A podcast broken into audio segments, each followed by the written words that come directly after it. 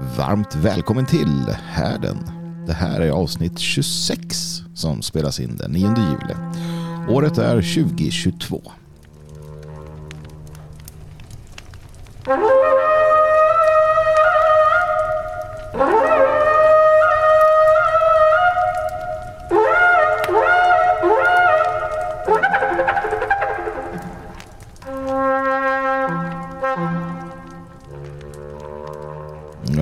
Riktigt se framför mig, höra framför mig hur eh, den där hur det där hornet kallar oss till, eh, till härden en, en, en, en eh, mörk sommarkväll. Ehm, de är inte så mörka, men ni vet vad jag är ute efter. En stämningsfull kväll. Man ser på håll hur det börjar brinna någonstans genom lövverket, grenverket. Mellan stammarna och sen så hör man det här ljudet över nejden. hur, det, hur det kallar alla som, eh, alla som är välkomna, alla som finns där kring. Eh, kallar dem till, till den här eh, storstugan, templet eller vad vi vill. Och där brinner den här elden och där finns härden och där samlas vi. Va? Det vore någonting, vore inte det? någonting för härdens folk att sträva efter. Jag menar, vi har ju svenskarnas hus. Ja. Steg två kanske blir eh, vårt egna tempel, folkets tempel. Folkets tempel låter inte så bra. Kommer jag på nu. Det har använts tidigare, vill jag minnas, av Jim Jones. En inte helt trevlig människa.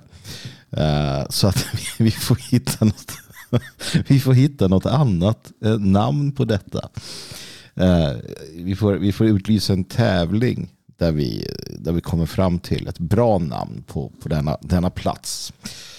Härdens tempel kanske blir bättre, jag vet inte.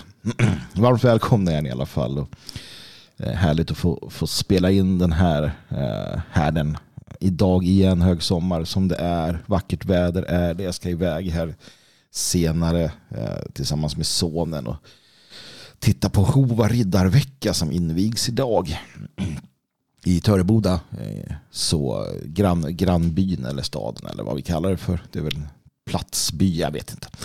Eh, pågår en eh, sån här festival, musikfestival. Det är typ fördubblad befolkning i lilla kommunen där. Och det är ju hög musik och härj av olika slag. Och det tycker folk är kul och det är jättekul att folk har kul. Jag, jag, är inte emot det sådär generellt och principiellt att människor har kul. Inte så mycket för mig kanske. Eh, även om eh, Alice Cooper kanske har varit roligt att se. Eh, eller tragisk, jag vet inte. Så där håller jag mig borta ifrån. Jag har varit på gymmet och tränat några gånger och åkt igenom det här. Och sett det. Men det är kul att människor har kul. Men som sagt, då i Hova som ligger närmare Elgarås, där har man Riddarveckan som drar igång idag med turnerspel och, och marknadsplats och vildsvinskebab och allt sånt där som, som vi hade på 1200-talet i, i, i Sverige. Så dit ska vi se det mer och titta. Det, det är alltid, alltid coolt. Um, speciellt turnerspelet är ganska, eller är väldigt roligt. Uh, och det har de då varje kväll. Så att, um, och det här pågår hela veckan så har ni vägarna förbi. Uh, sväng förbi Hova, uh, sväng förbi Svenskarnas hus och um, ta del av detta. Det är en schysst marknad. Det brukar vara hantverkare från när och fjärran som, Eh, som eh, säljer så här medeltida inspirerat och vikingainspirerade um, olika typer av vapen. Och, och så, ja, förra gången jag var där då hade de en hillebard till salu. Den, den kände jag att den där skulle man kanske ha hemma. En, eh, en rejäl hillebard och, och ha om, om det kommer fiender. Gott att se. Men eh, trevligt i alla fall, det händer saker. Folk eh, får väl passa på nu för att eh, corona, coronahotet tornar ju upp sig i fjärran igen och det pratas om, eh, pratas om smittvågor och så vidare. Får se om de tänker fortsätta och slå sönder eh, framförallt västvärldens eh, ekonomi under en period till här under 2022 och 2023. Man vet inte vad psykopaterna i regering och riksdag och, och internationella samfund och överstatliga organisationer har för eh, idéer och planer. De, de är ju urspårade fullständigt. Och deras tummelplats Almedalen har ju stängt ner nu så att eh, vi eh, eh, slipper eh, åtminstone eh, denna marknadsplats för eh, galna idéer. och eh, allmänt otrevliga eh, påfund vågar jag hävda. Det är lobbyorganisationer, det är prideflaggor och det är all möjlig och omöjlig, som jag då ser det, otrevligheter som florerar där. Och det sker ja, i samband med, eller det sker i det, det, är så tydligt någonstans när jag såg bilderna från den här DJ Battlen som de hade, politikerna. Eh, hur man, hur man liksom kråmar sig på scen och flamsar och tramsar. Eh, och det gör man liksom på ah, ryggarna, på de böjda krokiga ryggarna av ett folk som drabbas särdeles illa av den politik de här människorna för. Och det, det är ändå häpnadsväckande att se. Man, man undrar under historien, jag har i alla fall ställt mig tankarna många gånger så här, hur, hur resonerade de här härskarna och furstarna och vad de nu var för någonting? Såg de det inte komma? Ni vet, de sitter i sina borgar eller vad det nu kan ha varit, sina slott och herresäten och liksom festade på folkets elände. För det, det, är, princip, det är det man gör. Medan inflationen går upp, medan en, en ensamstående eh, mor, eller för den delen far, med, med, med små resurser, resurser, ekonomiska resurser som har blivit mindre, eh, mindre värda över tid på grund av att politikerna har använt eh, Ehm, resurserna och fördelat ekonomin så att den har gynnat ehm, ockupant, eh, en, en, en ockupation ehm, som sker genom massinvandring och mångkultur så har svenska då familjer, ensamstående eller familjer fått se hur, hur deras, hur deras låt säga, utrymme har minskat. Och det här sker då samtidigt som den här politikerklassen då um, ser till att skapa mer och mer och mer, eller skapa röva mer och mer och mer åt sig själva. Och så har det varit. Och vi har sett liknande genom historien många gånger. Och varje gång har det slutat i princip på samma sätt. Man har fått nog. Men ser de det inte komma? När de, när de står där, när Morgan Johansson kråmar sig på en DJ battle medan poliserna är ute och, och försöker upprätthålla någon form av ordning. Eh, de få bra poliser som är kvar. Eller andra som håller på och, och liksom fläker ut sig där eh, i kotteriet med, med um, rosévin och, och, och glam. Och, och så går då den här ensamstående mamman till jobbet eller pappan eller vad det kan vara och ser det här. Man bryr sig liksom inte som, som politiker. Man bryr sig inte att vi befinner oss i ett enormt svårt läge. Jag kan tycka att jag hade hört att det hade varit smakfullt om man hade um, om man hade varit lite återhållsam kanske. Jag säger inte att människor inte får ha kul. Um, även om folk kanske har för kul ibland. Um, det tarvas allvar också. Men man kanske kan göra det bakom stängda dörrar. Man kanske kan, kan eh, så att säga ägna sig åt eh, det här någon annanstans. Men man, man ska köra upp det ansikte på oss. Det finns ju inte en vanlig människa som kan åka till Almedalen. Och med vanlig människa menar jag liksom vanligt folk i princip. Om man inte råkar ha det som största intresse och se till att, att eh, passa in sin semester och boka biljetter långt tidigare och sådär. Men närheten till politikerna, närheten till makten. Alla säger ja men här är det öppet för folk. Makten är nära folket. Ja, det är folket som har råd att åka dit eller tid att åka dit. Makten är egentligen bara nära sig själv här. Det är bara att de är fler. Det är att den här äh, jävla ormgropen äh, kommer samman på ett annat sätt. Så de kan slingra runt varandra, reptilerna. Och, och man gör det utan att skämmas såklart. Uh, till och med så står man där från Almedalsscenen och ska liksom uh, locka väljarna. Och tyvärr så, så, är det ju så att många, många går med på detta skådespel. Jag tycker det är särdeles osmakligt. Jag, jag skrev där på Det fria Sveriges hemsida just om att det här är ett hån. Hela Almedalen är ett hån mot oss. Det är ett hån mot, mot de människorna som, som, som lider under under det som händer. Men det är om det. Jag har en annan sak som jag har tänkt på här under, under veckan. Och det, det var i samband med en artikel som kom ut eh, på SVT. Eh. Och man, man, man, man blir fundersam. Va?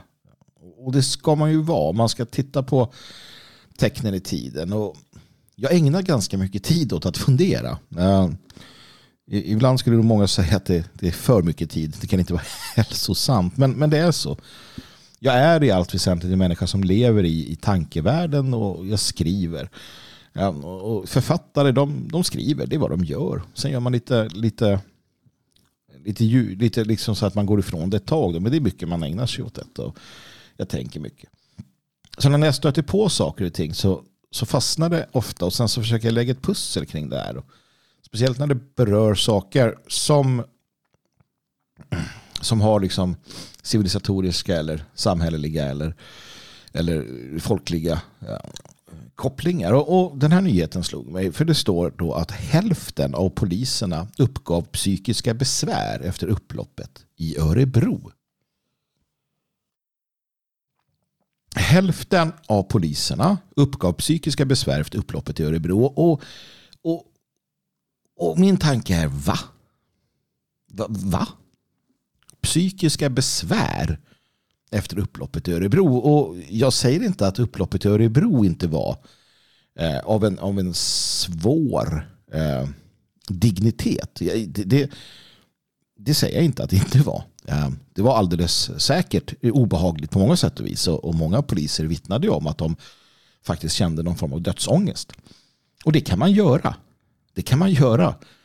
Men, men jag ska be att få tala om då att de här poliserna de hade vapen. De hade sköldar, batonger, kroppsskydd, hjälmar um, och så vidare. De är också utbildade, ska vara i alla fall, um, för att kunna hantera svåra situationer. Alla är inte utbildade på att sköta om så kallade då, eh, kravaller. Nej, det är de inte. Men, men i alla fall. Uh, och här blir man ju sådär. Och jag förstår att för vissa kanske är en helt, för vissa kanske är en helt underlig tanke jag har. Eller en underligt, ett underligt resonemang. Men, men nu får det också vara lite nog. Va? Vi lever ju i en jävla tid av extrem känslomässig eh, liksom känslomässig eh, alltså det vältras i det det vältras i, i, i känslor och, och hur man mår och hur det är. Och, och det är ett jävla, liksom, hela samhället bygger på det här. Det tänks för mycket.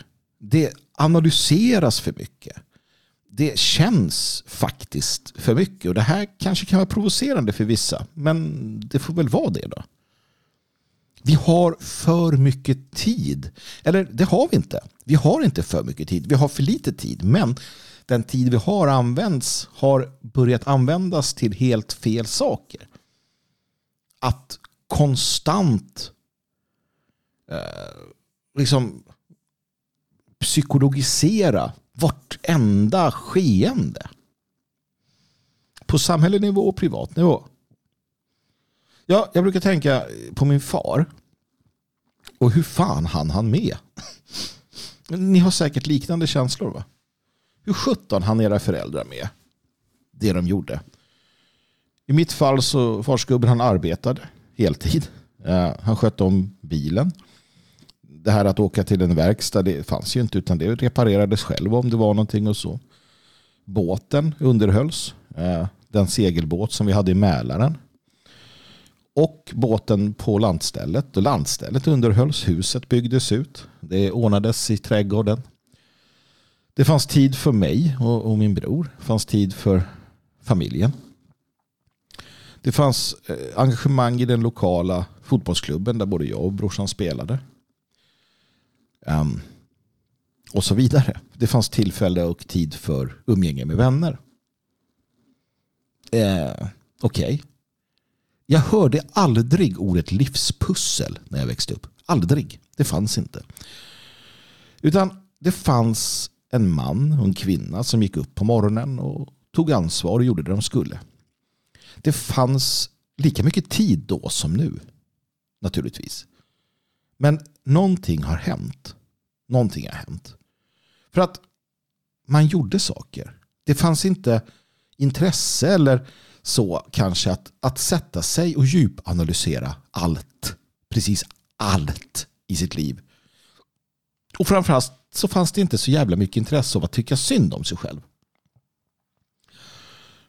Den generationen, föräldrageneration, man kan tycka man vill om så kallade boomer-generationen. Absolut. Men, men någonting de hade med sig var i alla fall en, en, eh, en, ett minne på ett helt annat sätt än vad vi har om, om sina, sin föräldrageneration och den tidigare då, med fattigdomen och eländet. Och det fanns en säkert en viss hårdhet där som har helt gått förlorad. För att hälften av poliserna i Örebro de fick psykiska besvär i, eh, ja, i samband med upploppen. Jag, jag, jag, jag kan någonstans inte acceptera det. Um, faktiskt. Um, för jag tänker att de poliserna som inte klarade av det upploppet måste nog skaffa nya jobb. Du kan inte vara polis om du inte klarar av det här. Det säger sig självt. Hur fan ska du som, som polis kunna upprätthålla och, och verka i ett, ett mer sönderfallande samhälle därtill om du inte klarar av detta? Och vet jag vad jag pratar om? Ja, jag vet vad jag pratar om. Jag vet vad jag pratar om. För att jag har varit med om eh, kravaller och upplopp. Jag har känt den där dödsångesten. Jag har, jag har vid ett antal tillfällen varit ganska säker på att här tar det slut. I samband med, och jag har inte stått med en eh, pistol. Jag har inte haft sköld. Jag har inte haft äh, hjälm eller kroppsskydd. Jag har inte varit utbildad för det. Utan jag har eh, tillsammans med, med kamrater förtvivlat försvarat mig. Ibland mot just sådana här uniformsklädda eh, batongvevande typer. Eh, men i andra fall då mot, mot människor som, som utan tvekan vill ha ihjäl och jag är inte den enda som har varit med om detta. Att ha varit en del av den nationella oppositionen eh, innebär ofta, i alla fall förr, att hamna i situationer förr eller senare där människor som vill det riktigt illa är på väg att lyckas. Man mår inte särskilt bra av det, nej. Det är inte kul. Det kan bli att man får svårt att sova. Det kan bli att man blir lite försiktig av sig. Jag har absolut en del eh, sociala R um, efter sådana saker. En, en, en vaksamhet, um, en uh, beredskap som ja, kan vara hämmande på olika sätt. Absolut, allt det där finns. Det kanske är psykiska besvär. Jag kanske bara inte gnäller om det. Jag kanske bara mannar upp, biter ihop. Alltså lite grann som man måste göra. Välkommen till verkligheten. Vi lever för fan inte i en tid, och det har vi aldrig gjort. Den här planeten, livets lagar, det går inte ut på att det springer regnbågsfärgade enhörningar i galopp över bomullsbeströdda ängar. Där vi alla äter vegansk eh, mat som smakar precis som riktig mat och sjunger Kumbaya eh, och sen eh, ägnar oss åt någon form av, eh, inte vet jag. Det är inte så världen ser ut, har aldrig sett det ut. Och hela den här idén som man har nu under 20-30 år fört fram om, om detta mjuka förbannade tramsamhälle. Det sätter sina spår. Det är ju det som har skadat folk. Blir man inte psyksjuk av det så vet det tusen. Där, där, där man liksom eh, för ut onaturliga läror och, och får människor att tro på dem. Det är ju, det är ju där problemet ligger. Vi är skapade för att kunna hantera verkligheten, tro mig. Du är det, kära bror eller syster där ute. Du är definitivt skapad för att kunna hantera en, en verklighet som, som är verklig. Du är anpassad för att leva enligt de naturliga stenhårda, järnhårda lagar som, som eh, råder. Det är vad du är, är, är anpassad för. Du är inte anpassad för att leva i det sinnessjuka samhälle som psykofanterna i, i institutionerna har skapat. Du är inte anpassad för att, för att eh, i princip eh, leva i den moderna världen som den kallas. Den postmoderna världen. Det, det, är, inte, det är inte människans eh, naturliga habitat. Det är därför vi är så jävla skruvade. Det är därför vi mår så jävla dåligt. För att alla roller har ändrats. Alla naturliga eh, liksom uttryck för, för oss själva och, och, och vårt psyke har liksom, eh, hamnat under någon, någon blöt jävla filt av dårskap. Det är därför vi mår dåligt. Det är därför vi har problem. Det är därför våra barn blir, blir knepiga. För att allt är onaturligt. Hade vi levt i en naturlig värld, ja då hade det varit någonting annat. Då hade vi kunnat hantera det. Folk mår inte bra, säger Erik Hiding, ordförande för Polisförbundet i Bergslagen. Många sjukskrivningar har kommit efter eh, Örebroupploppen. På grund av fysiska besvär, det kan man köpa, men psykiska och mentala besvär. Det är mycket tankar och oro då det var många poliser som fruktade för sitt liv. Jag kommer ihåg när jag stirrade in i loppet på en Sig Sauer eh, efter att polisen prejade oss av vägen på E4 strax eh, i höjd, eh, en liten bit efter Midsommarkransen i Stockholm någon gång 1995. Vi var på väg till Danmark, eh, ett gäng i en minibuss. Jag var knappt 18 då tror jag, 17 kanske. Ja, och de skulle göra en kontroll som man prejade av oss. Man kom med sina eh, skeva bussar som man hade på den tiden. Prejade av oss. Eh, och ja, hoppade ut, skrek, drog vapen, samtliga omringade vår minibuss. Och där satt jag i förarsätet och stirrade in i loppet på en Sig Sauer. En polis, eh, ganska ung vill jag minnas att han var. Och jag såg hur, hur eh, fingret inte alls var som det skulle. Det vill säga det var lite för mycket krampaktigt kring avtryckaren. Och hela, hela, hela pistolen darrade. Och där sitter jag. Det var, det var en sån där situation som jag, jag minns att så här, okej, okay, nu kan det nog ta slut här. Vad fan är det som händer? Det var vad det som hände. Jag skulle på en demonstration. Det var vad som hände. Ja. Och det kan man ju inte bara låta ske. Va? Och det är bara en gång. Så många gånger som, som man, man har hamnat i situationer ja. och visst, ibland till egen förskyllan, absolut. Jag, jag, ska inte, jag ska inte sticka under stol med det. Va? Men, men hur många gånger har inte just polismakten eller politiska motståndare på riktigt gjort vad de har kunnat för att skada oss? Och jag vet att det är många av er som lyssnar som har varit med om liknande. Psykiska besvär, tjena. Hur har, hur har samhällen historiskt sett förändrats? Har ni någon aning om det? Ja, det är två minoriteter ofta som bråkar med varandra. Mittemellan står en stor majoritet och undrar vem som ska vinna så att eh, de vet vem de ska följa. Ofta finns det en makt med också. Den makten gör allt den kan för att inte lämna ifrån sig makten. Den amerikanska revolutionen leddes av 18, 19, 20-åringar. Någon var väl uppåt 30 va? Man, man, man tvingade makten från engelska kronan och tog den själv. Ja. Psykiska besvär och problem. Ja, vi, vi har under många, många och långa år haft stora eh, nästan apokalyptiska händelser. Vi hade ett världskrig. Nej, vi hade två världskrig. Där människor kom hem från fronten och hade sett de mest fruktansvärda saker. Hela, hela hela årskullar nästan eh, utrotades. I Tyskland så byggde man upp landet. 45 tog kriget slut, 55 var man väl Europas motor eller någonting. Liksom, ekonomiskt. Jag pratade med en, en, gammal, en gammal vän, min mentor Manfred Röder. Han eh, var 16 tror jag, när han eh, låtsades vara 18 för att kunna vara med i eh, försvaret av Berlin.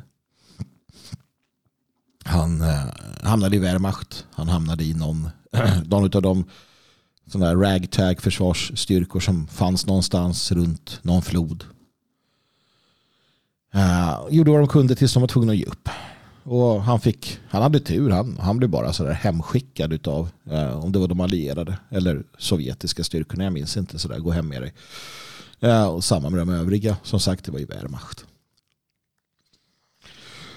Uh, jag tog upp med honom om det här med våldtäkterna. Och eh, hur, hur det stod till med det, för vi har hört det. Och han sa att ja, nej men alltså min mor blev våldtagen, min farmor blev våldtagen, min syster blev våldtagen, alla blev våldtagna utav ryssarna.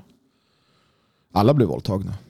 Varenda, i princip varenda kvinna, flicka och flickebarn våldtogs av sovjetiska soldater. När de erövrade del efter del av Berlin. Och så var det bara. Och jag försökte förstå det. Och det gick inte. Och jag försöker fortfarande förstå hur fan de kunde gå vidare. Och det gjorde de. Och han sa bara det. Nej men det var så det var. Och sen gick vi vidare. Vi pratar om en, en hel liksom, nation. Ett helt nation, en hel nations trauma. Och man gick vidare och byggde upp sitt land. Men de här poliserna i Örebro. De sjukskriver sig hela högen vi mår dåligt, vi är lite ledsna, det är jobbigt, allting är så jävla jobbigt, det är så jävla synd om oss. Hela tiden. Så min fråga är, min fundering är, är samhället för skört för att överleva? Och svaret är nog ja. Samhället är för skört för att överleva. I alla fall för att överleva det som, som samhället kommer skapa. Va? För att den... Och då blir det brutalt istället. Och det är det här som är den stora sorgen. Istället för att vi lever enligt de naturliga lagarna, enligt de traditionella liksom, modellerna, istället för att vi accepterar och tillåter det chestertonska stängslet, att det får stå upprätt kvar, så river vi allt, förstör allt, maler ner allt, omfamnar e- egentligen ren satanism. Det är vad vi gör som samhälle. Vi, vi lever i, om jag ska vara helt ärlig, ett satanistiskt samhälle. Vi lever i ett samhälle som har anammat satanismen. Alltså motsatsen till, till eh, det andliga, till det, det metafysiska någonstans. Vi lever i ett, ett samhälle där det själviska, det nihilistiska, det amoraliska, det eh, basala, det eh, instinktiva är det som, som råder. Det finns ingen balans längre. Och, i samband, och samtidigt som detta sker då, så, så, så blir det konsekvenser för det. Samhällsförfall kallas det för. Och, och även om du sitter själv i en trygg miljö så är det så att det pågår. Även om du inte ser det så pågår det. Och det här kan jag säga tills jag blir grön i ansiktet. De som hör kommer höra, och de som inte hör kommer lida. Det, det, är bara så. Och hör du inte så kommer du lida. Det är lite som med träning. Antingen så tar du det där jobbiga nu eller så får du ta det där jobbiga när bristen på träning och, och hälsa slår till eh, om några år. Och det är samma sak nu. Antingen, antingen så löser du det här nu och tar de, vidtar de åtgärder du, du kan och måste. Eller så kommer du få, få lida om några år. För att, jag tog upp det här i förra programmet, vi vet hur det kommer sluta. Va? Så samtidigt som det här händer så, så blir vi vekare. Det är ju så fantastiskt. Va? Vi, vi skapar ett samhälle som blir, blir knepigare att hantera. Och samtidigt så, blir vi, så, så, så ser det samhället att bryta ner oss. Bryta ner de som ska, eh, de som ska upprätthålla det. Så att du har poliser som är med i ett upplopp och blir, blir psykiskt dålig, sjuka. det, det här är alltså de som ska upprätthålla lag och ordning. Det här är de som ska möta gängen. Men det, det, det är klart att det går åt helvete då. Uh, och, och där hade vi ju det senaste härliga exemplet på detta. Hur psyksvaga poliser i det här fallet då uh, hade gjort ett ingripande i Uddevalla. Mm. Och då kommer ett gäng och dyker upp på platsen. Uh, och det här gänget omringade då polispatrullen och fritog personen i fråga. Ett fritagande. Så, på öppen gata. Eh, men enligt Lars Eckerdal, chef för polisen i Fyrbodal, så ska händelsen inte ses som att polisen har tappat kontrollen. Vi rör oss i de områden där vi vill och gör ingripanden där vi måste, säger han. Och ljuger som en jävla dåre. Hur fan vad värdelösa de är. Gud i himlen. Ja, det finns tuffa, uh, tuffa enskilda poliser. Ja, det finns en jävla massa eh, psykopater där också, sadister och skit. Det finns alla möjliga och omöjliga uh, personer som bär den där uniformen. Och värre blir det. Men kom inte och säg att ni har kontrollen när folk fritar, fritar sina, sina vänner från era patruller. Men åk och slå någon, någon svensk ungdom med A-traktor så, så får ni känna er, Känner er morska igen. Åk och plocka något kavajfylle någonstans då. Fy fan. Men gud nåde er om ni hamnar i någon, någon form av eh, allvarlig situation för då får ni, får ni psykiska besvär. Men Magnus, är jag inte lite, är inte lite för hård nu? Är jag inte lite för okänslig? Det är ju många som mår dåligt. Nej, det är jag inte. Men man får må dåligt. Det är inte det jag säger. Jag säger inte att man inte mår dåligt. Jag säger bara att någonstans så får det fan vara nog också. Någonstans får det vara nog. För vi mår dåligt. Men vi mår framför allt dåligt för att vi inte gör det vi ska. Ja, vi får vända på det hela. Vi måste vända på det hela. För att frågan du måste ställa dig är om du lever enligt dina principer. Eller om dina principer bara är en jävla kostym som du har. Som du slänger bort. Som du, eh, som du maskerar. Är du den du är? Eller är du bara den du är när du känner dig helt trygg med det för att sen försöka vara någon annan anpassare? Ja, gör du det så kommer du må jävligt dåligt. Det här jag försöker förklara för människor ganska ofta i den mån de vill lyssna på mig. Om du är en av oss, om du är en av härdens folk, men om du förtrycker det för dig själv eller för dina nära eller vad det kan vara, ja då kommer du må dåligt. För du har ett dubbelansikte, du har ständigt ett svärd som hänger över dig. För du är så jävla rädd för att bli avslöjad. Och det kan vara att man behöver vara försiktig. Naturligtvis, jag säger ingenting om det, det vet ni. Så, så liksom, eh, vi är klara på den punkten. Men om du inte inför nära och kära på något sätt kan säga vem du är, vad du tycker. Det behöver inte, det behöver inte vara att man går liksom fullt ut eller att man sådär. Utan att man bara, man bara ger uttryck för den man faktiskt är. Om du inte gör det då spelar du ett dubbelspel och du är rädd för att bli avslöjad. Du kommer må jävligt dåligt. Alltså, man mår dåligt när man inte gör det man ska. Man mår dåligt när man inte respekterar sig själv. När man, när man beter sig illa mot sig själv och en del av det är att stå för sina principer. Eller snarare så här, acceptera att dina principer är dina principer och principer följer man kosta vad det kosta vill. Ja, på riktigt, kosta vad det kosta vill. Det är så samhällen har förändrats. Det är människor, tillräckligt många människor omfamnar liknande principer och säger jag följer principerna kosta vad det kosta vill. På riktigt kosta vad det kosta vill. Böj knä för kejsaren, kyss hans ring och förneka Gud. Dra åt helvete tänker jag inte göra. Då kastar vi till lejonen. Kasta på du din jävel. Kasta oss alla till lejonen. Ja men då kastar vi alla till lejonen. Så tar vi nästa batch. Ska vi kasta er till lejonen? Ja, men kasta oss till lejonen. Men fan, hur länge ska vi hålla på att kasta folk till lejonen? Det här går inte. Kosta vad det kosta vill. Att tillräckligt många är principfasta, ja, då blir man ostyrbar i en korrupt värld. Då kan det korrupta systemet inte bestämma över dig för att man vägrar. Och det är det här det handlar om. Vi måste manna upp och bli de vi är. Vara de vi är. Och vi måste faktiskt också lära oss att bita ihop.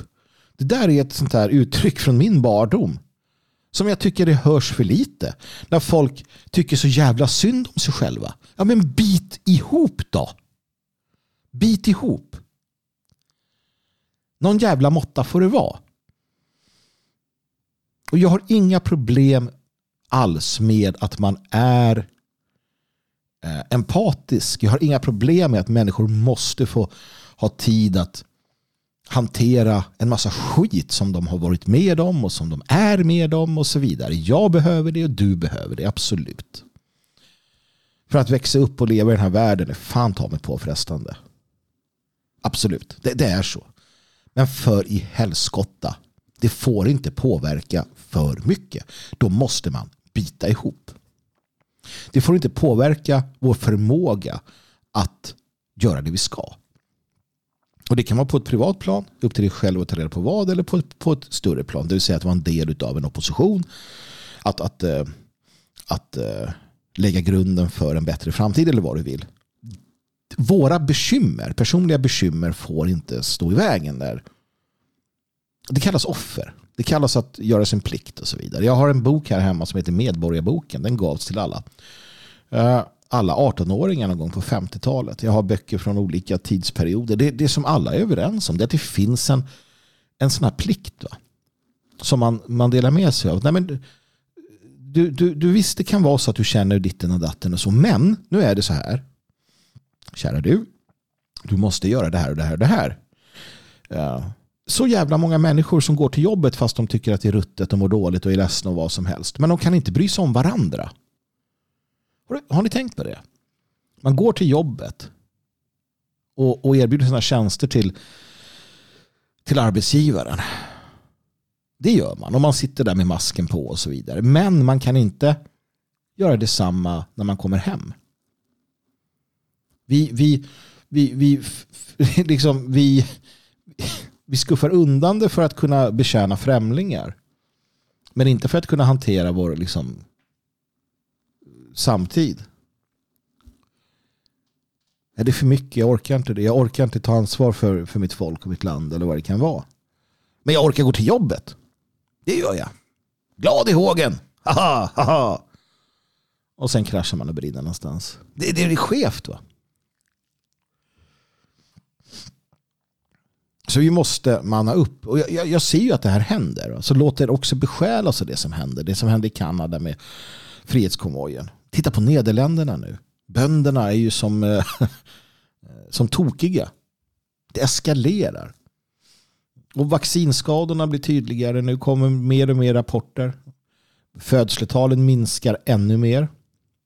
I samband med, vi ser korrelationen definitivt mellan utrullningen av massvaccinationen och de sänkta födsletalen. Det är ju helt absurt. Och det här är inför öppen ridå nu. Vi har inflationen.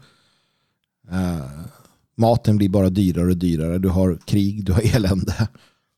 Och i det här så sker ett uppvaknande. Jag pratade med en person för inte så länge sedan som berättade just det också. Hur hon hade hört uh, lite här och där den här, eh, de här liksom som, som visar att det är någonting, någonting som händer. Va? Så att det sker ett uppvaknande. Det, det sker vare sig vi vill det eller inte. Det, det, här är någonting som händer på djup psykologisk nivå i våra, i våra psyken. Och jag önskar jag önskar att jag hade haft tillgång till, till våra eh, drömmar. Carl Jung berättade att innan eh, första världskriget tror jag det var, eller om det var andra, nej första måste det ha varit, så eh, gjorde han ehm, han, han, han, gjorde just det på sina, med sina patienter och med människor. Och vad de drömde om och så vidare. Och där fick han, hävdade han själv, då, en inblick i att det var något som hände i folkpsyket. Att, att det, det, var på gång någonting. Det, det, vad ska man säga? Det, eh, det blåstes, eh, blåstes redo, det fylkades psykologiskt sett. Hjärnan, kollektivt omedvetna, gjorde sig redo för någonting. Och sen kom det stora kriget. Jag undrar vad vi, vad vi drömmer om nu. Jag undrar vad, vad våra, våra gemensamma kollektiva drömmar är i detta nu. De kan vittna om framtiden nämligen. För någonting är på gång. Så är det. Någonting är på gång och du måste manna upp. Du, du måste manna upp. Du måste släppa de här äh, faktiskt i sammanhanget ganska små sakerna. Och inte bli som poliserna i Örebro som eh, kraschar och brinner efter att ha varit med om ett upplopp. Du kommer få se och vara med om väldigt mycket. Du kommer få känna pressen. Framförallt om du tillhör den skaran som är principfast. Om du inte tillhör den skaran som är principfast utan du, du har dina principer som en, en, en maskeraddräkt då eh, kommer det nog gå ännu värre för dig rent psykologiskt. Du måste vara dig själv och du måste vara det tillsammans med andra som är som du. Och det är där någonstans vi måste finna den här styrkan. finna gemenskapen. Och alla de här människorna vi kommer vara tillsammans med. Det kommer inte vara människor som vi vid första anblicken tänker att de här passar jag bra med. Utan det kommer vara en allsköns skara av människor. Beskärda av en sak och det är den här, den här principfastheten. I övrigt kommer vi vara ett ganska intressant och, och knepigt gäng. Så är det. Och det kommer ställa mycket krav på oss alla. Men det är vad det är. Härdens folk. Det är en samling av jävligt udda, schyssta, principfasta, fullt normala, halvtokiga, heltokiga. Eh, men jävligt bra människor. Besjälade av en idé och den idén är en, en bättre framtid. Och att inte låta psykopaterna bestämma. Att inte låta tokstollarna Tokstollarna är för snällt ord. Tokstollar är lite roliga ibland. Men alltså de, de, de, de eh, mörkermän och kvinnor som sitter i de styrande hallarna. De ska inte bestämma vår framtid. De ska inte leda oss ner på den här jävla i den här ravinen som de försöker. Är du principfast så är det en del av oss. Är du inte principfast så blir det eller vik hädan. Vi har inte tid med dig. Ja. Det är lite hårt och lite kallt och lite dystert. Men så är det. Det kommer bli en förändring. Så är det. Och, och det är inget som, som någon kan göra någonting åt. Frågan är bara vad som kommer efter den. Och det är det som vi inte riktigt vet. Det är det som vi inte kan sia om. Det beror väldigt mycket på oss själva naturligtvis. Eh, det beror på hur vi agerar, vad vi kommer göra. Hur vi kommer bete oss. Ehm, det är ju det som är eh, den stora frågan där. Och ju bättre förberedda vi är, desto bättre blir det. Ju mer principfasta vi är, desto bättre kommer vi kunna finnas där och påverka. Så det gäller att hålla ihop och det gäller att hålla ut och det gäller att vara principfast. För att det här samhället är för skört för att överleva. Det är för skört för att överleva sig självt. Och när den pendeln slår över, när det väl inses, då kommer vi in på brutalitet istället. När vi inser att vi har fördärvat alla som ska upprätthålla det här samhället. När vi har psyksvaga poliser en mass som inte klarar av att göra det de ska.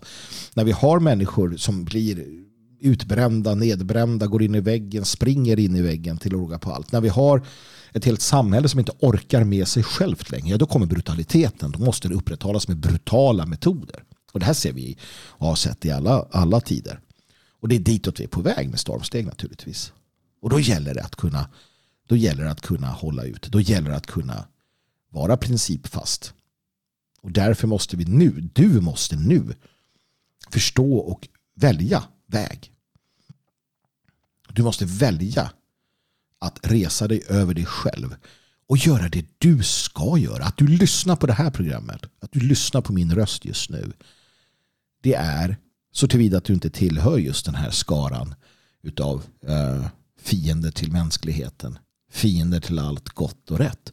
Men om du tillhör härdens folk, om du är en av dem som, som vill väl, ja då är du faktiskt, och det här säger jag med all övertygelse, då är du förberedd. Du, du har inom dig det du behöver för att klara av det som komma skall. Det är så det fungerar. Det gäller bara att du hittar det. Det gäller att du gräver inom dig. Det gäller att du mannar upp för fan. Det gäller att du biter ihop. Det gäller att du tar fram det här. Och det gäller att du tar de tillfällen du får att tillsammans med andra tillsammans med andra odla den här motståndsviljan. För ensam är inte stark. Ensam är bara ensam.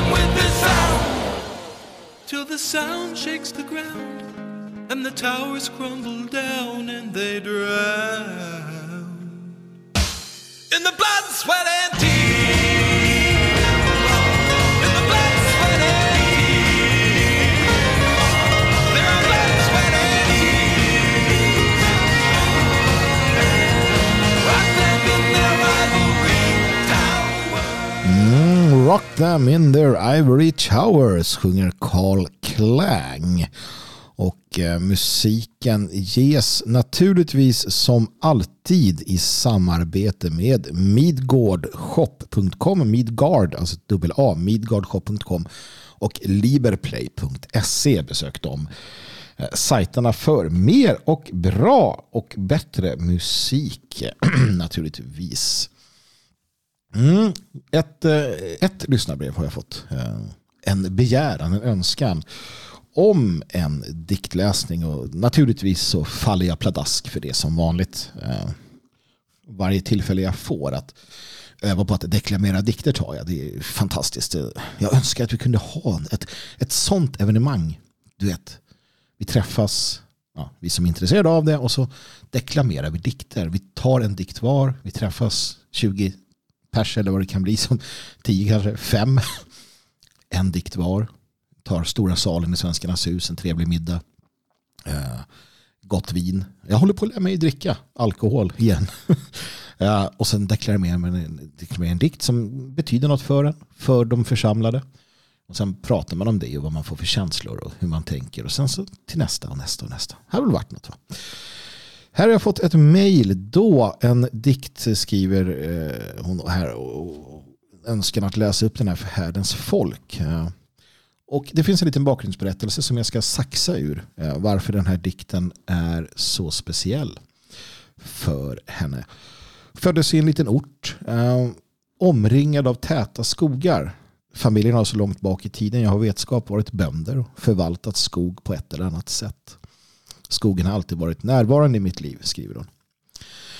Skogen var min överlägset bästa lekplats som barn. Skogen var dit jag gick när jag var ledsen. Skogen och dess djurliv välkomnade alltid mig under hela min uppväxt utan att vilja ha något tillbaka.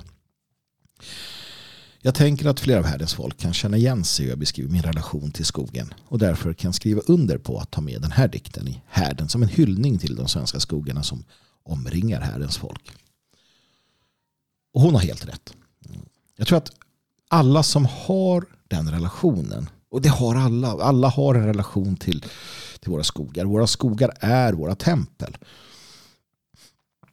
Jag har en idé om att, att vi eh, i, i forna dagar ja, utan tvekan hade eh, gudstjänsterna våra i, i det öppna, alltså under stjärnhimlen i skogen.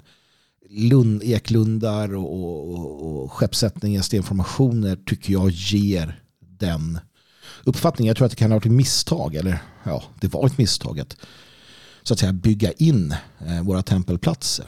Att sätta tak på kyrkan. Kyrkan hade inte tak. Den, den, eh, den absolut tidigaste, eh, alltså innan den katolska, katolska kyrkan med svärdet kommer så tror jag att våra hedna kristna förfäder hade sina gudstjänster, sina andakter under öppen himmel i den mån det, det gick naturligtvis. Och jag tror att det där är någonting som man kan eftersträva. Och det är det som, som brevskriverskan också eh, tar upp här. Alltså det, det, finns något heligt med skogen.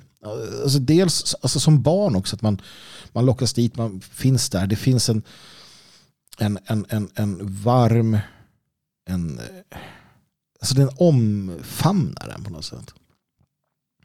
Vår skog gör det med oss som folk. Det, det, är, det är eh, grunden på vår nordiska andlighet finns i, i skogarna och, och, fjällen naturligtvis, fälten i naturen, vår natur. Sen kan man dras mer eller mindre till det ena eller det andra. Jag är, en, jag är den öppna, det öppna fältets man eller de öppna viddernas man på ett helt annat sätt. Jag, och det tror jag kommer ifrån något så här äh, blodsminne till de sjöfarande folken den öppna vidden, du vet. Äh, den spegelblanka havsytan som sträcker ut sig milsvitt mot horisonten. Där mår jag som bäst, ute på de stora fälten. Äh, när jag ser långt och jag känner detta. Andra känner sig mycket, mycket mer hemma i, i, de, i de djupa skogarna där man liksom har träden kring sig. Å andra sidan uppskattar jag naturligtvis skogen eh, mycket också. Jag hade med mig sonen ut förra året någon gång Jag lärde honom att krama träd. Det är en trevlig eh, sysselsättning som alla borde ägna sig åt. Gå ut i skogen och omfamna en fura. Bara, bara stå där och kommunicera.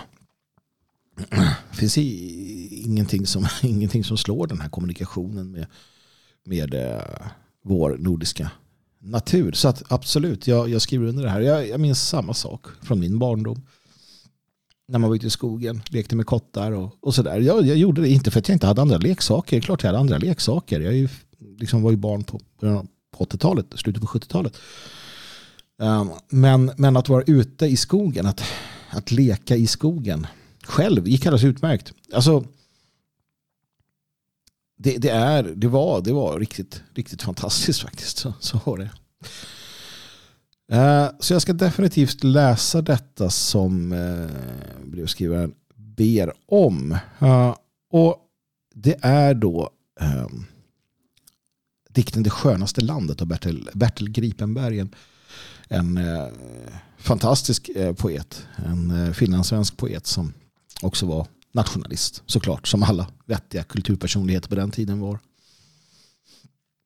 Och jag hoppas eh, och ska eh, förhoppningsvis göra, göra dikten eh, rättvisa och att Emma får känna att jag levererar på ett sätt som uppskattas. Så, det skönaste landet av Bertil Gripenberg. Det skönaste landet är landet i norr, där åken ger vika för skogen. Där marken är stenig och karg och torr ej rörd av spaden och plogen. Där väldiga furor med mossig bark mot himlen trotsande sträva och högt över tigande ödemark bland skyarna örnar sväva. Det skönaste landet är skogarnas land som evigt i tystnad drömmer. Det binder vårt hjärta med längtans band som ingen sliter och glömmer. Det lockar, det drager så tyst till sig med äggande gåtfull tjusning.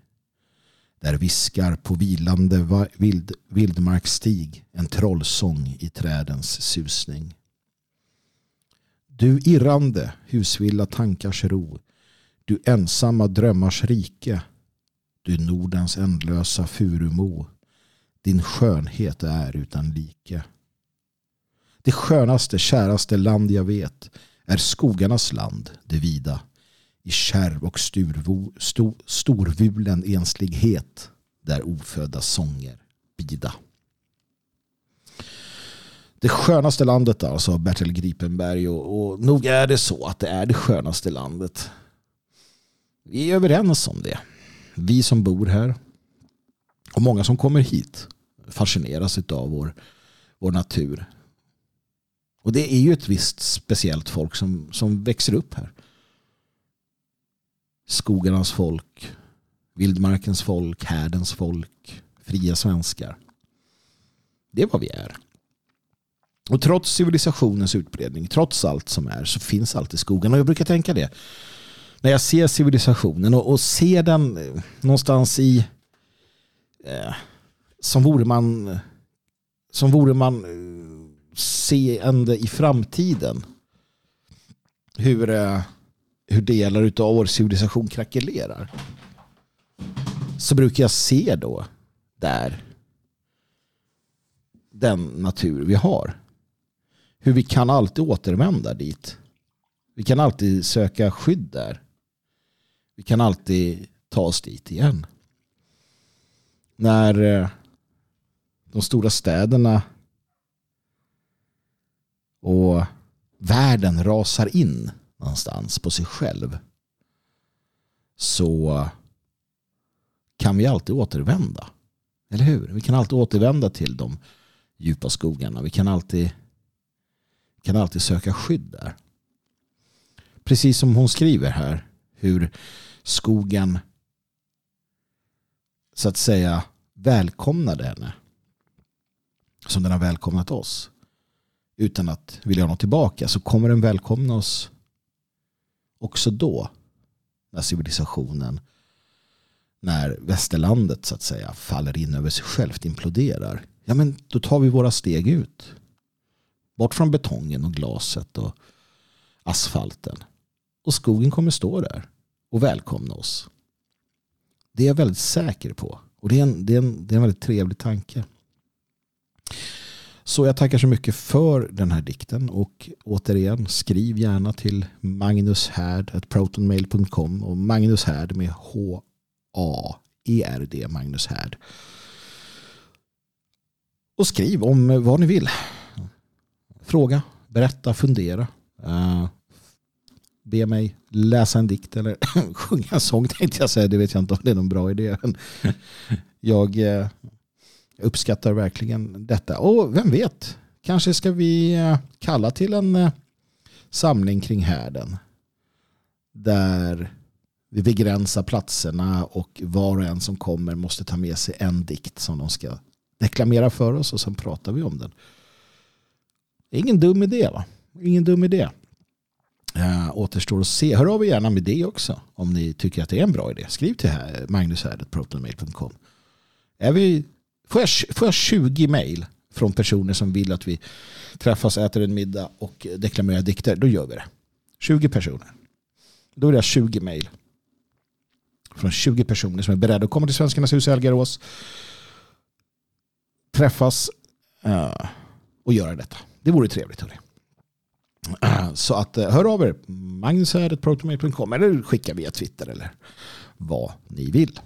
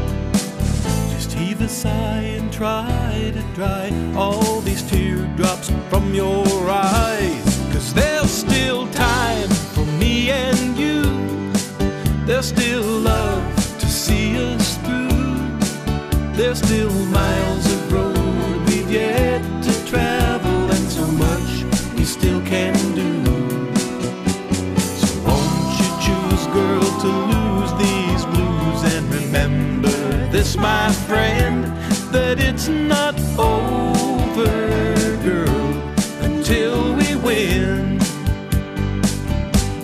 It's not over till our adversary's down for the count. It's not over till the last bell rings. It's not over till the crowd stands up to scream and shout. Until the big old friendly fat lady sings. And as far as I know, tough till the end. Cause it's not over, girl, until we win. No, it's not over, girl, until we win.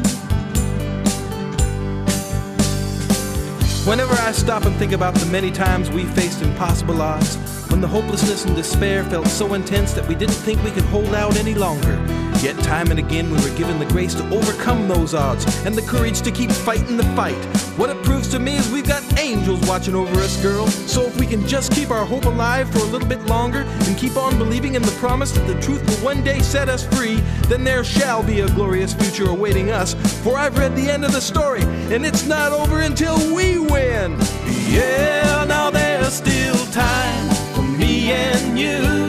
Oh, there's still love to see us through. Yeah, there's still miles of road we've yet to travel, and so much we still can do.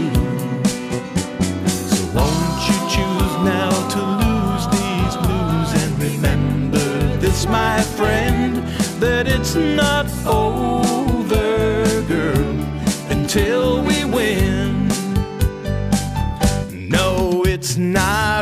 Till our adversary's down for the count. It's not over till the last bell rings. It's not over till the crowd stands up to scream and shout. Until the big old smiling fat lady sings. And as far as I know, we got a ways yet to go. So we might as well hang tough till the end. Cause it's not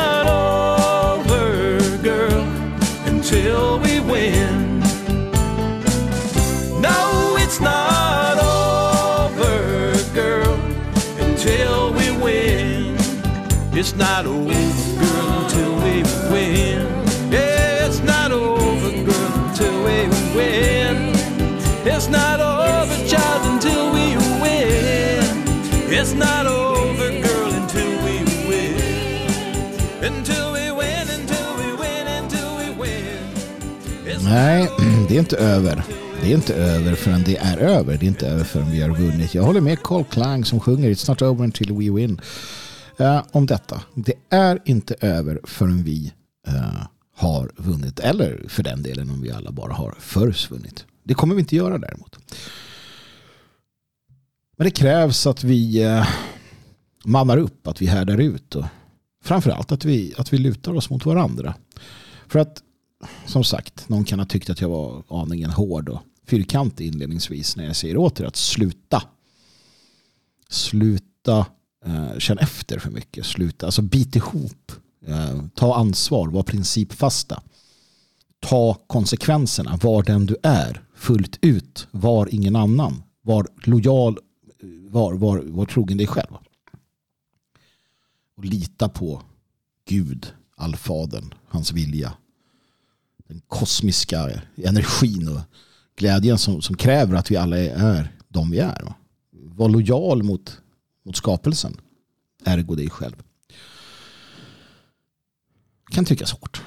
Men det förutsätter ju naturligtvis att vi lutar oss mot varandra.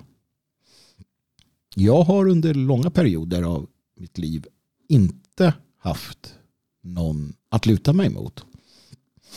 Ingen människa i alla fall man har varit man har, man, har, man har känt sig ensam på sätt och vis. Eller, det, är, det är inte helt sant. Jag har alltid haft människor jag har kunnat eh, skriva till. Jag har via korrespondens med, med, med kamrater och sådär. Det har alltid funnits det, absolut.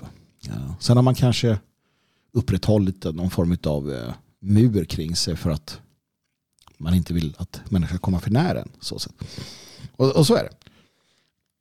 Men, men, absolut, under perioder så har det liksom inte funnits någon att luta sig mot. Och det, det är de jobbigaste perioderna i ens liv, när man inte har någon att luta sig mot.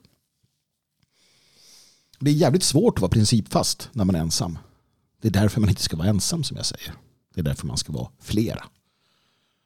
Um, ensam är ensam, ensam är inte stark. Att vara tillsammans med andra, det stärker oss. Naturligtvis så öppnar det också upp för uh, allsköns problem. Det, det, kan definitivt bli så, både i det privata, personliga men också i en, en, större, en större gemenskap. Det kommer in fler, fel människor, människor som drar ner, kan dra ner andra, människor som, som har egna agendor, falska, jävla, ormar och så vidare. Men alternativet, att vara ensam, det är inte acceptabelt. Inte personligt privat eller eh, som en del av en opposition. Punkt slut. Därför får man, eh, därför får man laga efter läge och se till så att man gör det bästa av det man har naturligtvis. Och det får mig in på en annan sak som jag har tänkt på. Och det är vilken tid vi lever i. Och det här är väl det som kanske egentligen gör mig mest sådär, inte besvärad, men lite sorgsen. Det är att jag kan någonstans känna att jag önskar att det var lite annorlunda. Alltså, det är klart, det känner vi väl alla. Va? Men förstå mig rätt nu. Jag kan önska att vi hade levt i en annan ett annat stadie. Eller jag, så här, jag önskar att jag kanske hade levt ett annat stadie. Av någon anledning så är det jag är i detta nu. Jag accepterar det. Jag, jag tackar allfader Gud för, för möjligheten och för att jag är här. För att jag är här och jag är här för att jag har något att bidra med. Det är du också. Så är det bara. Och det, det är den största eh, tryggheten. Du är här för att du ska vara här och du klarar det. Jag lovar. Jag lovar, kära vän. Du klarar detta. Du klarar det som slängs emot dig. Du klarar vad som helst som de slänger emot dig. För att du är här. Hade du inte klarat det hade du inte varit här. Punkt slut. Men man kan ju känna att man önskar att det hade varit lite annorlunda. Jag önskar sådär privat och personligt att jag hade levt i en tid då jag kunde ägna mig helt och hållet åt studier. Esoteriska studier. Jag skulle vilja sitta som sitta som någon sån här trollkar i ett torn eh, från sagorna ni vet med näsan i tjocka böcker och försöka förstå varför träden växer. Försöka eh, förstå hur berg blir till. eh, lära känna själen. Förstå universum. Sådana där saker. Skriva konstiga långa böcker. Skapa musik? Nej, det kan jag inte. Men lära mig att spela luta. Uh, uppleva, leva, ni vet. Fullt ut. Det hade varit, det hade varit trevligt. Läsa långa svåra böcker. Men det är inte i den tid jag lever. Den tid jag lever i, det är en tid som kräver aktivitet, aktivism. Det kräver att sticka ut hakan, det kräver att vara en del av en opposition, det kräver att inspirera, motivera, bära upp, hjälpa. Det är inte alls den tillvaro som jag någonstans drömmer om på det sättet.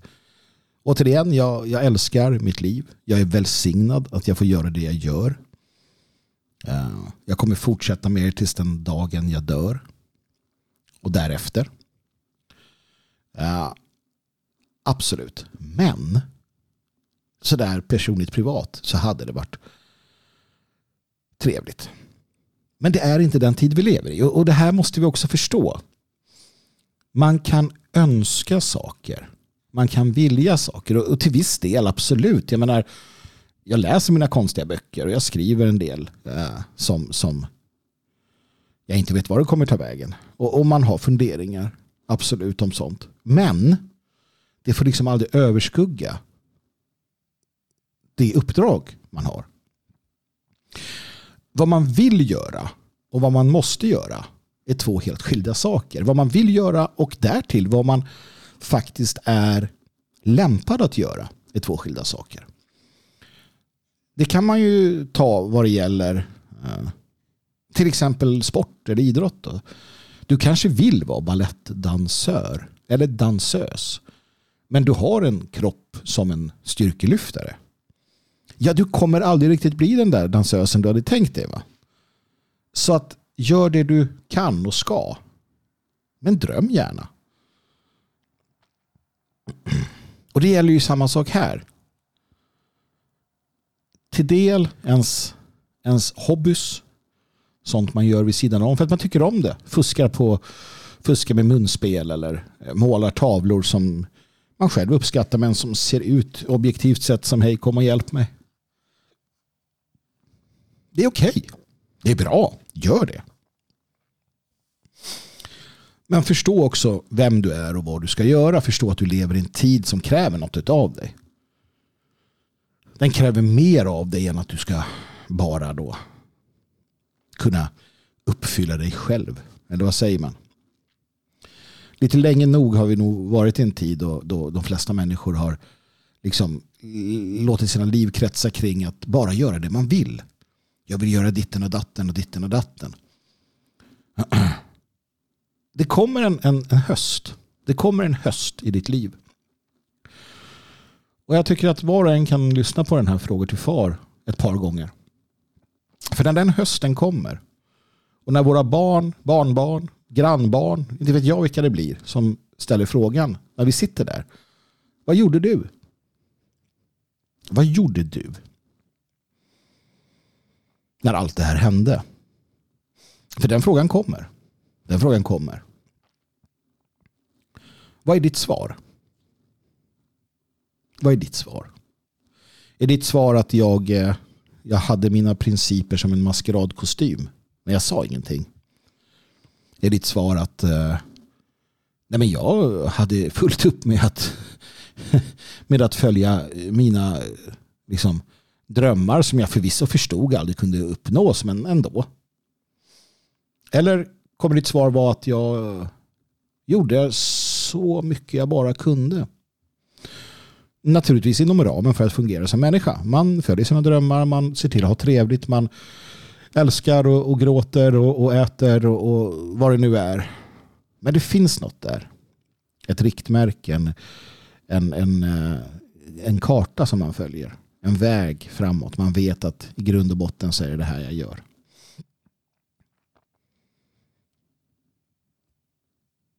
Vad gjorde du? Vi tänker sällan på sådana saker. Vi tänker sällan på det här ändliga.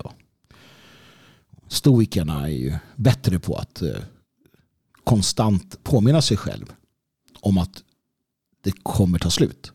Och att du har bara en viss tid på dig. En tid som du inte egentligen vet hur lång den är. Och, och rådet är att leva varje dag som att det är din sista i det att du maximerar ditt avtryck på ett positivt sätt. Fä dö, fränder dö, även själv skiljes du hädan. Ett vet jag som aldrig dör, domen över död man. Fä dö, fränder dö, även själv skiljes du hädan. Ett vet jag som aldrig dör, domen över död man. Eller då den andra versen som går ut på att äh, namnfrejd vunnen. Alltså, det som aldrig dör det är de dumheter du ställer till med eller de bra saker du gör. Det vill säga, den som ägnar sitt liv åt att göra ett gott avtryck kommer också komma sig ihåg som en person som gjorde detta. Inte av sina fiender såklart, men vem bryr sig om sina fiender? Vad gjorde du? Vad gjorde du? Vad gör du? Och det här är inte en anklagelseakt jag slänger emot. Det här är inte en bannbulla. Det här är inte en sån här vad gör du? Utan det är med vad gör du? Och, och vad kan du göra mer? Jag var inne på det där med principfastheten. Att hänge sig, att, att någonstans att någonstans titta på krigarna i Ukraina. De var tvungna att bara ta sina liv och sätta dem på vänt för att försvara folk, nation. Jag säger inte att du ska sätta hela ditt liv på vänt, men kanske någonstans måste du börja prioritera. Och du måste prioritera rätt. Och du måste prioritera ditt folk. Och det är inte bara för någon sån där kollektivistisk sak skull, utan för din egen skull. Dina barn och barnbarn eller vänner och vad det nu kan vara skull. För att det blir bistrare. Så vi kan drömma och hoppas och längta efter att få göra alla de där sakerna som skulle fylla oss själva med någon djup frid, tror vi. Eller så ser vi till att kunna balansera det här. Och det är ju så. Och det vet ju alla som studerar någon form av eh, klassisk filosofi eller religion från vårt folk. Balans. Balans, mina vänner. Balans. Yin och yang och manligt och kvinnligt. Och, och vad du vill. Hela predikaren går i princip ut på det. Eller du har ju den här, det finns en tid för allt. Det finns en tid att kriga, en tid för fred, en tid att äta, en tid att inte äta, en tid att och så vidare. och så vidare. Balansen, det är det vi ska hitta. Oss. är det något som den här djävulska världsordningen vill så är det att vi inte ska ha balans. Och, och det är det som gör att du mår dåligt. För att du inte har balans i ditt liv. För att du är för lite den du är och för mycket det du inte är. För att du strävar efter saker som, som är omöjlig att uppnå istället för att eh, hålla balansen mellan de olika aspekterna av dig själv. Det är det det handlar om. Du, du mår dåligt för att du motarbetar dig själv. Det är särdeles dumt att göra. För att kämpa mot fiender, kämpa mot motståndare, kämpa mot alltså att, att, att ha en strid mot någon, att ha en, en kamp mot någon på fotbollsplanen eller i ett spel eller vad det kan vara. Det är nyttigt, det är bra, det är roligt, det är upplyftande. Det är karaktärsdanande. Men att strida mot dig själv. Det är jävligt dumt. Att strida mot dina känslor. Att strida mot det du vet att du behöver göra. Så länge du gör det, kära lyssnare, kära vän, så länge du strider mot dig själv så kommer du må dåligt. Du kommer må dåligt och alla kring dig kommer må dåligt. Och vi har inte tid med det.